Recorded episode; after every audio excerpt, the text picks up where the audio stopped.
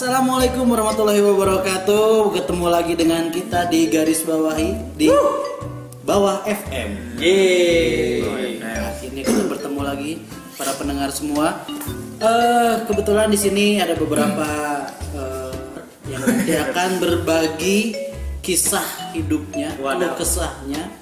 Mudah-mudahan bermanfaat buat kita semua. Kebetulan saya sendiri eh, mendapatkan suatu kegelisahan. Kejadiannya tadi sore.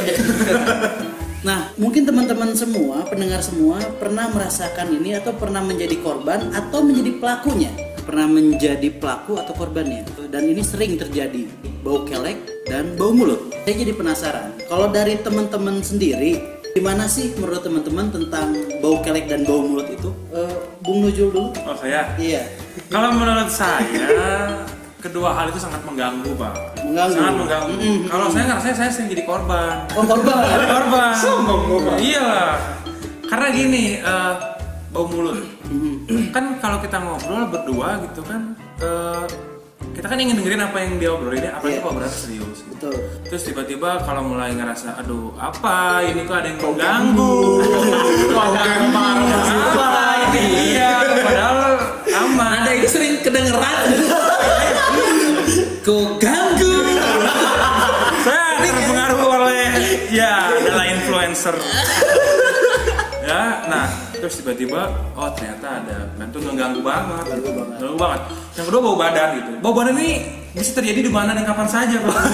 iya. Bahasanya. Iya, kalau pas lagi di mungkin dari kendaraan umum ya kan, di angkot gitu duduk pulang P gitu kan, Iya. duduk mau tidur tiba-tiba kok apa ini?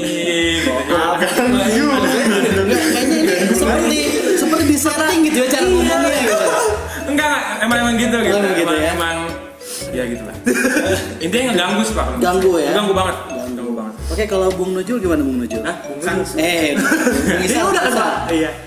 Sebenarnya sih kalau saya ya sama sih pasti orang yang berurusan dengan perbauan tuh merasa terganggu ya pak ya. Iya, iya. Apalagi sebenarnya bau mulut karena kita kan lebih lebih lebih sering dengan orang tuh kan dengan dengan verbal gitu. Ah, ah. Ya ketika berbicara tuh kan kita harus menatap matanya gitu ya si lawan, Oke. lawan bicaranya karena kan kalau nggak dilihat berarti nggak sopan dong Iya. Itu berarti kita harus bertatap-tatap. Oke. Nah, ketika saling bertatapan itu kan otomatis posisi mulut dan hidungnya tuh Sejajar. berhadapan gitu ya. Oke. Nah, itu tuh menghasilkan intensitas bau yang sangat kuat, Pak. Oke. Itu yang menyebabkan terkadang saya menjadi kurang fokus terhadap pembicaraannya, malah ke aromanya itu, Pak. Nah, jadi terkesan itu saya diajak bicara tuh kayak orang yang blow on padahal enggak gitu, tapi itu alasannya karena itu. Nah, tapi kalau buat bau mulut sebenarnya ada posi ada sisi negatif dan positifnya, Pak. Yang Oke. saya baca tuh. Ah. Negatifnya jelas itu mengganggu orang, tapi ternyata kalau yang saya baca itu, Pak, bau mulut eh bau Anda badan riset ya kayaknya baca-baca. Research. ya. Research. Niatnya. Jadi ternyata bau badan seseorang itu bisa Oh, badan lo mulut. bau badan. Oh. Kita pindah ke bau badan Pak. Bau Oh, siap. badan. Bau badan atau bau kelek seseorang itu ternyata bisa memicu eh, hormon-hormon dalam tubuh terutama untuk lawan jenis Pak agar ada ketertarikan terhadap kita. Oh, gitu. Itu udah dari researchnya di Amerika kalau nggak salah. Jadi eh, berapa ratus responden mereka yang bau yang sudah mereka pakai gitu sudah berkeringat terus dikirimkan ke itu tuh timbul ketertarikan ternyata. Oke. Jadi sebenarnya ada ada sisi positifnya pak. Cuma kalau bau-bau tinggi nyada anggar kudu mandi gitu kan. Oke. itu Jadi tetap ya walaupun bau ada positifnya ya. Iya, ada positif. Khususnya bau ketek itu ada positifnya ya. Hmm, ada positif. Jadi ketika memang pasangan suka bau ketek kita berarti itu jodoh kita. Jodoh. Oke. Harus disikat, jangan sampai dilewatkan. Jadi salah buat para jomblo-jomblo nih, pengen mengetahui pasangan yang benar-benar cinta sama kamu, kasihlah Bau ketek kamu. Eh, itu. Kalau dia nerima, insya Allah nikahin dia mau. ya untuk Ibu Ratu nih, gimana Bu Ratu tentang bau mulut dan bau ketek? ketek pak Jadi saya tahu orang siapa.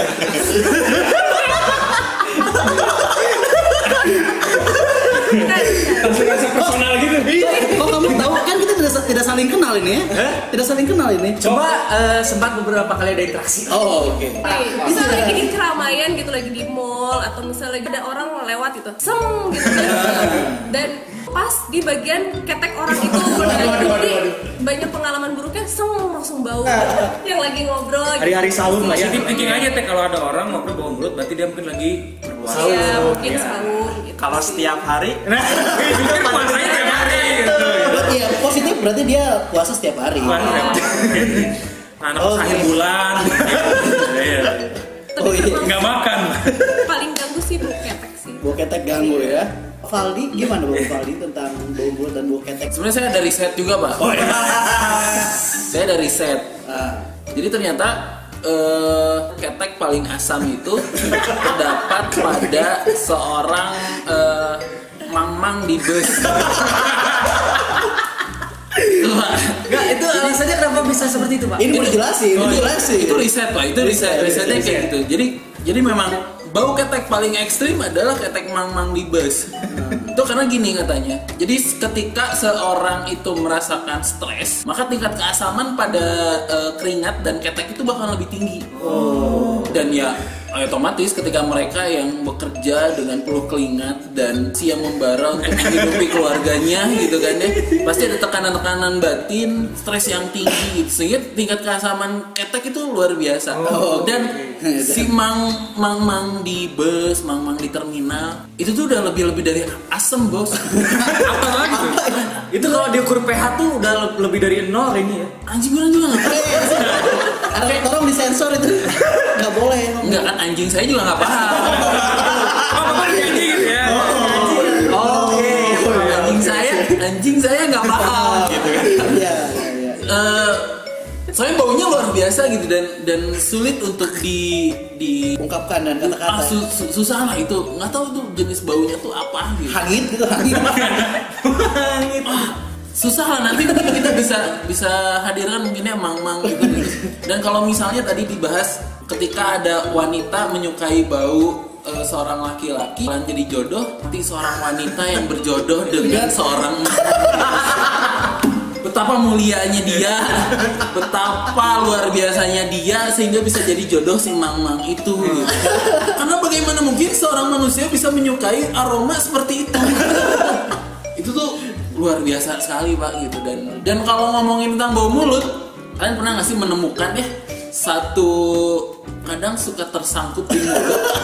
Biasanya warna-warna putih kayak gitu nggak sih? agak agak kuning-kuning gitu ya. Nah, putih kuning kuning gitu ya. terus aduh ada yang nyangkut ada yang nyelap gitu ya. Nyelap. Habis makan temu misalnya beberapa hari kemudian.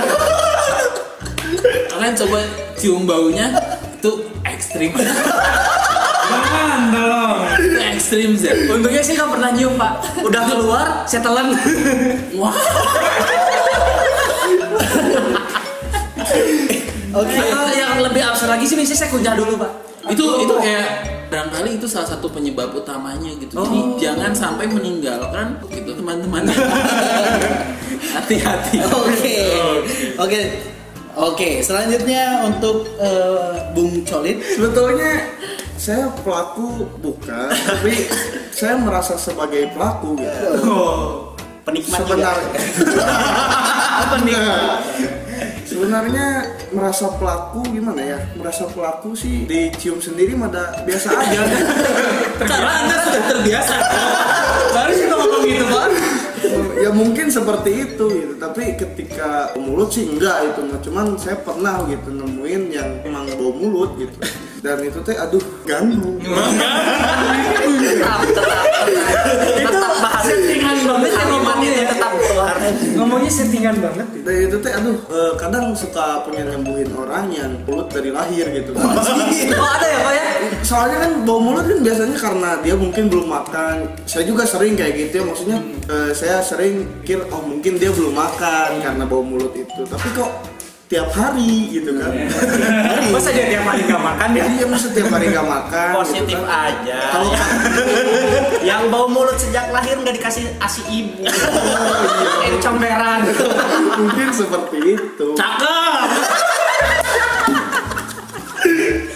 Oke, terus terus nih eh, untuk Bung Doni sendiri gimana Bung Doni tentang bau mulut dan bau ketek? Kalau menurut saya sih teman-teman ada hal positifan dengan bau mulut sama bau ketek. Yang pertama positifnya bau itu ada lawannya gitu. Oke. Itu harum. Harum. Benar. Kalau nggak ada bau nggak ada harum. Oke. benar benar benar. Iya. Masuk akal, Iya, masuk iya. akal. Dan alat indera kita untuk mencium bau-bauan adalah hidung. Gak bakal ada pengharum ruangan kalau nggak ada Bau. Jadi ada positifnya, jangan negatif gitu aja. Oke, siap. Siap, siap. Dan negatifnya, hey men, Anjir. Sekarang itu banyak teknologi pasta gigi, deodoran Ah. itu bisa ngehilangin bau. Kenapa nggak dipakai sampai sekarang? Deodoran dipakai di gigi. itu lebih bagus. Sekarang pasta gigi dipakai di ketek. Biar apa? Adem. Rasa min, Bos. Oke. Gitu. Jadi ada hal positif sama negatifnya gitu. Kumur-kumur juga harus pakai air putih. Jangan pakai air. Comber. Kasihan kan? Kayaknya Anda Anda sangat sangat menghayati banget dengan air comberan. Iya. Pernah gitu ngalamin itu. sedikit itu sih pak Oke. Ya itu barusan eh, pengalaman-pengalaman apa cerita pendapat-pendapat tentang bau mulut dan bau ketek teman-teman di sini ya. Di mana ketika itu eh, kita lagi dengan seseorang itu pasangan atau itu atasan kita atau bos kita atau orang tua kita yang kondisinya mengalami bau-bau itu bau mulut atau bau ketek. Kita nggak enak kalau ngomongnya. Apa sih yang eh, rekan-rekan narasumber ini lakukan? Kalau saya sih gini, to the point ngomong. oh iya, pak kok baunya gitu. Tapi ya maksudnya dengan cara yang sopan juga kalau orang tua. Nah kalau ke selain keluarga lah gitu istilahnya. Paling ekstrim sih saya paling ngasih kado ya. Jadi itu. Jadi misalkan ada orang yang bau kelek gitu lagi wisuda gitu, ya kadonya deodoran. oke gitu. Nah kalau buat yang bau mulut mah, alhamdulillah ya bukan alhamdulillah. Belum pernah sih saya maksudnya sampai yang ngelakuin hal eh, misalkan ngasih eh, ngasih misalkan tadi ngasih deodoran mungkin misalkan ngasih sampein aja cuma dengan cara yang sopan. Kecuali ke atasan pak. Adalah biarin aja. Aja. Bisa saya ngomong besok saya udah nggak di situ lagi kan bahaya. Jadi lebih baik saya terima baunya tapi gaji tetap lancar gitu. Oke. Kalau kalau Bung Nujul sendiri gimana Bung Nujul? Kalau saya orang kondisi- seperti itu ya? Kondisinya lagi terdesak dan kita kasihan. Nah, apa yang kan? Sebenarnya ini saya rasa ini problematika yang sangat pelik ya. Nah. Wah, karena gini, saya punya teman. Ya, saya juga punya. Saya punya teman nih. Jangan sombong kamu. Maaf. Saya punya teman, saya juga punya. Ya, saya punya teman yang bawa badan maksudnya gitu, sama juga. Enggak sih saya. ya kan cuma saya anda. bukan, bukan, bukan, bukan. Jadi saya juga mengalami gitu. Saya punya teman yang ini bahkan jadi problematika banyak orang gitu. Ya, jadi satu kelas. Waduh, waduh. Iya. gara bau ya pak ya Iya, jadi gini, saya sebagai teman dekatnya eh, merasakan gitu. Hanya memang kalau saya agak sulit yang saya rasakan teman saya yang lain yang justru protes ke saya. protes karena "Eh, tolong dong teman kamu itu. Itu sebenarnya ke teman kamu itu ke Anda. Iya. Sebenarnya saya jadi mikir Anda ini masih enggak, tapi benar ke teman saya. Ke teman saya benar sampai protes kayak gitu gitu. Jadi eh, memang mengganggu sekali hanya tapi kalau saya bagaimana saya bersikap selama ini memang saya akhirnya ya bagaimana lagi gitu ya. Eh, bapak mungkin cenderung pasrah ya pak Iya cenderung pasrah menghirup itu Waduh, karena saya nggak tega dan melukai hatinya gitu. Jadi saya pikir cepat aja gitu ya.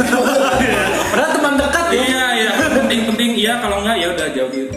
Jauh Dijauh. jadi untuk teman dekatnya bapak Nujul itu ya Ya tolong kalau ada yang mendengar ini saya terganggu. ini momen dia mau nafsu ya berarti ya Oke, selanjutnya Bung Doni gimana ya Bung Doni? Kalau misalkan memang ada orang terdekat atau pasangan atau pacar atau sahabat, Jadi eh, kalau menurut saya sih positif aja gitu. Ada yang bau mulut teman saya, ya saya mah positif kalau dia itu sedang melaksanakan puasa karena ada hadis riwayat Rasulullah. waduh waduh waduh waduh Aduh, hati-hati. Bau mulut orang berpuasa itu merupakan baunya minyak kasturi minyak kasturi. Kalau misalkan ada yang bau mulut, silakan hembuskan. silakan kamu ngomong yang banyak, silakan silakan silakan. karena kita mencium bau surga Nah, kayak gitu. Jadi siapa tahu dari bau mulut di dunia mendapatkan bau surga. Cuma baunya aja. baunya dulu aja siapa tahu dari baunya terus surganya. Amin. Itu kan kalau bau mulut, kalau bau ketek. Nah, itu dia, Pak. Kalau Apa? kalau bau ketek sih beda lagi. Jadi kamu nggak jadi positif jadi? Hah? Nggak jadi positif? Ya enggak lah. Sumpah pak bau. Gimana gimana gimana? Ya kalau yang bau ketek sih lu pulang aja. Oh, Bapak ekstrim ya langsung. Enggak ditanya dulu. Mandi belum? Oh, gitu. Kenapa emang mau ngajak keluar kalau misalkan kayak gitu kan? Kalau misalkan dia jawab, oh belum, yaudah keluar yuk mandi dulu kayak gitu. Kalau misalkan dia bilang udah gimana? Kalau udah, udah. Gantung ya. Oke, Bung Colit gimana Bung Colit? Kalau ke- kamu sombong juga punya teman gitu.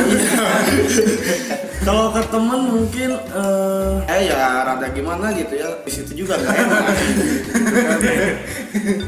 Ya sama mungkin kayak Doni juga tadi ditanya dulu udah makan belum kalau misalkan bau sumut What the meaning of sumut? bau mulut gitu.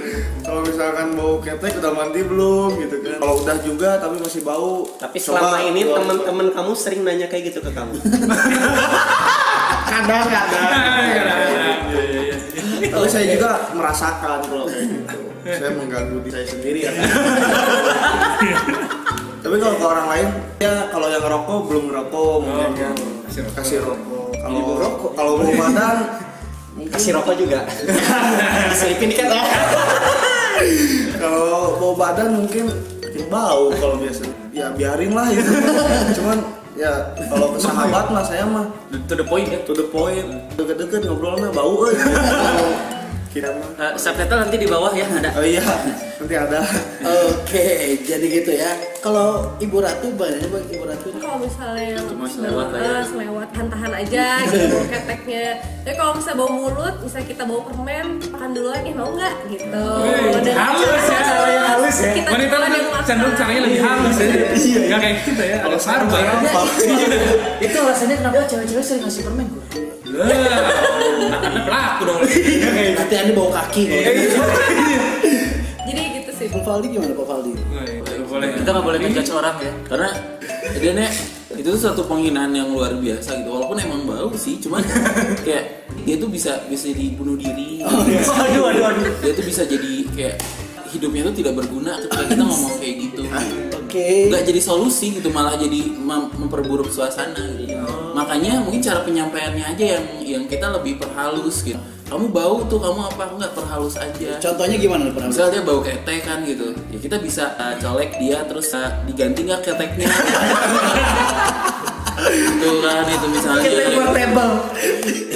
atau atau mas bisa nggak eh, tangannya dari telapak tangan langsung pundak gitu kan Oh. Jadi ada keteknya ya? Keteknya gitu gitu. Pas bagian ininya tolong jahitin. iya kayak di di dijahit di bagian ketek gitu kan jadi nggak ada gitu. Atau ya apa pun itulah gitu. Terus kalau misalnya yang bau mulut juga eh bisa lah salah satu caranya adalah dengan di dibekem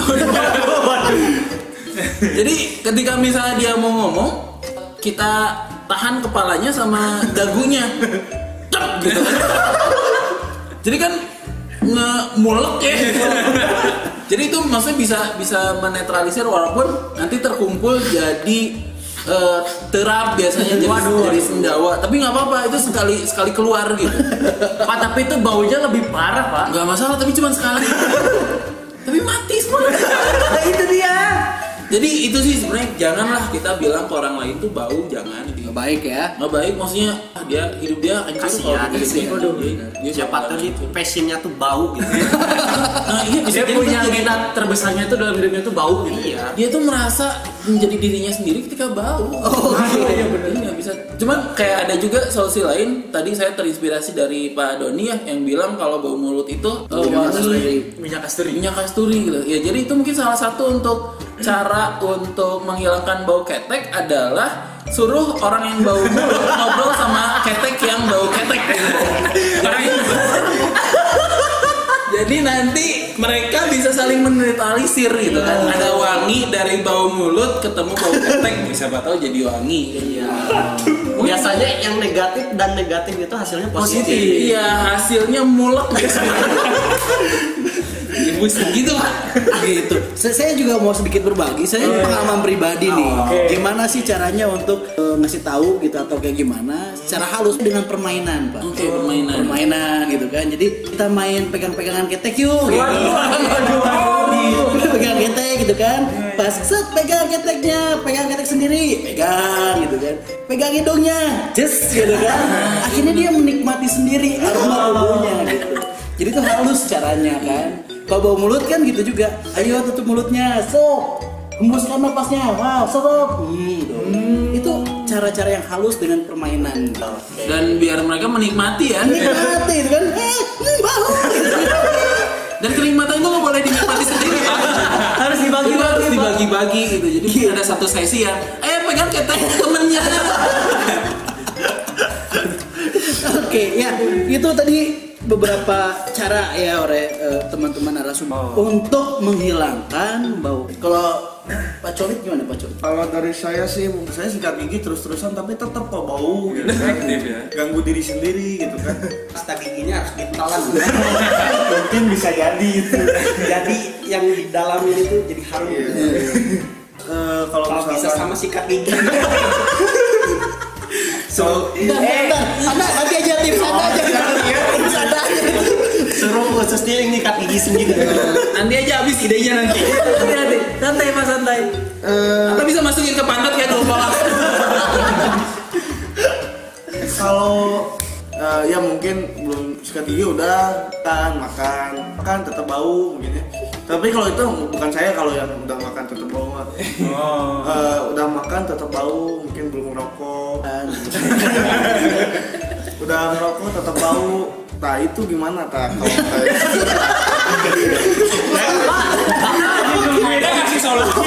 Lagi nungguin solusi. Dari Bapak kita diminta solusi. Belum Bapak malah kembalikin lagi. Tapi Bapak memberikan masalah yang baru. Iya, itu aduh gimana ini? ya lebih baik pakai masker lah gitu kupin gitu kan kalau emang ngerasa dirinya teh udah Bau nih. bau gitu Dan apalagi mas Kelete yang bengkoang ya. Masker. Masker wajah itu, Pak. kalau bau ketek mungkin jangan banyak makan bawang mungkin ya soalnya ngaruh itu saya meng- merasakan itu teh Anda tiap hari makan bawang atau gimana? tidak Eh dia udah seketek. Pantesan. Panas. saya pernah gitu makan bawang Ya kalau kalau misalkan gitu ya, si ketek tuh suka bau bawang gitu gara-gara suka makan bawang. Iya. Makanya jangan makan bawang, makan ketek. Nah, Nggak akan bau bawang. Betul sama aja. Tajam. ya gitulah ya Udah? mungkin segitu pak Oke. Eh, Bapak Isal gimana Bapak Isal? Alhamdulillah selama 24 tahun saya hidup tidak pernah ada keluhan ke saya yang menyatakan bahwa Sal kok mana bau badan? Karena orang itu berpikir seperti Bung Faldi. Oh. Tidak mau ngomong. iya Sebenarnya saya bau. Iya. Ekstremasi diri. Iya. kan gak, gak enak kalau ngomong, biarin aja. Dia tiba-tiba pergi kan tadi. Besok saya mandi deh. Ini Ini cukup gitu aja. Ya udah, gitu aja. Oke. Tadinya sih mau sombong gitu. Coba kan nih, eh, eh, ya itu saya tetap pecinta garis keras mandi sehari sekali ya.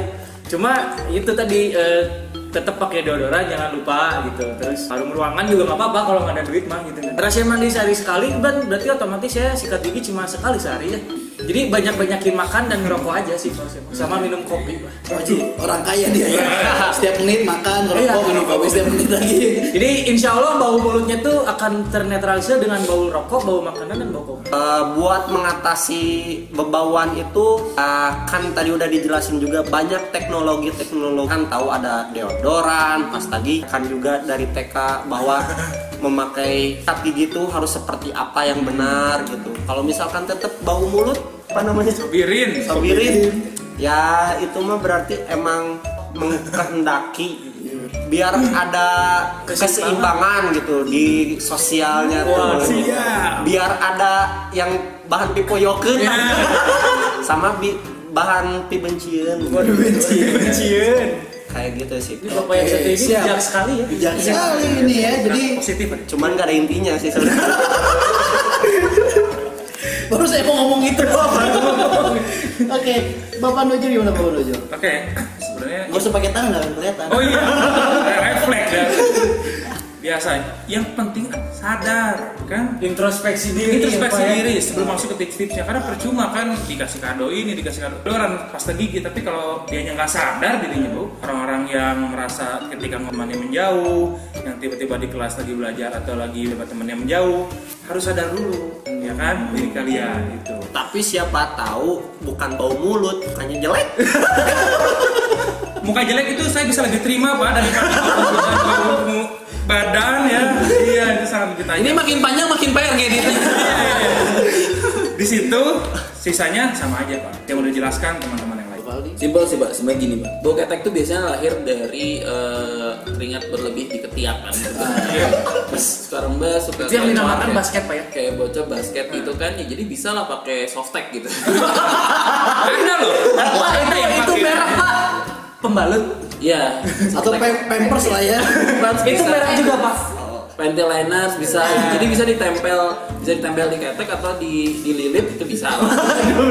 Bisa kalau untuk bau ketek gitu. Nah kalau untuk bau mulut ya oke lah gosok gigi dan lain. Tapi ada yang lebih efektif sebenarnya.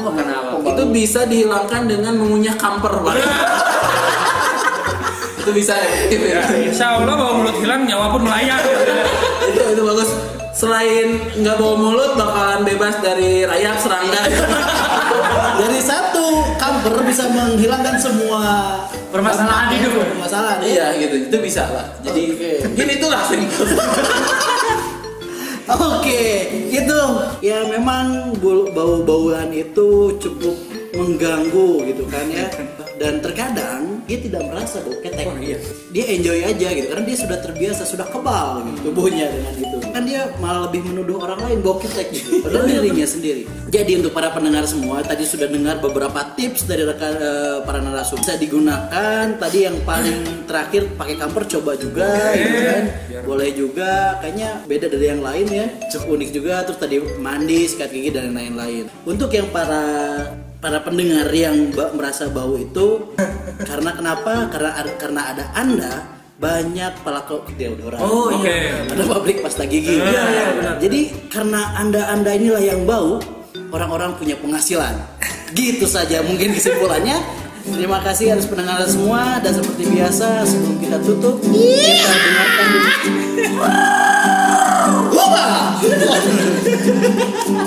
Hei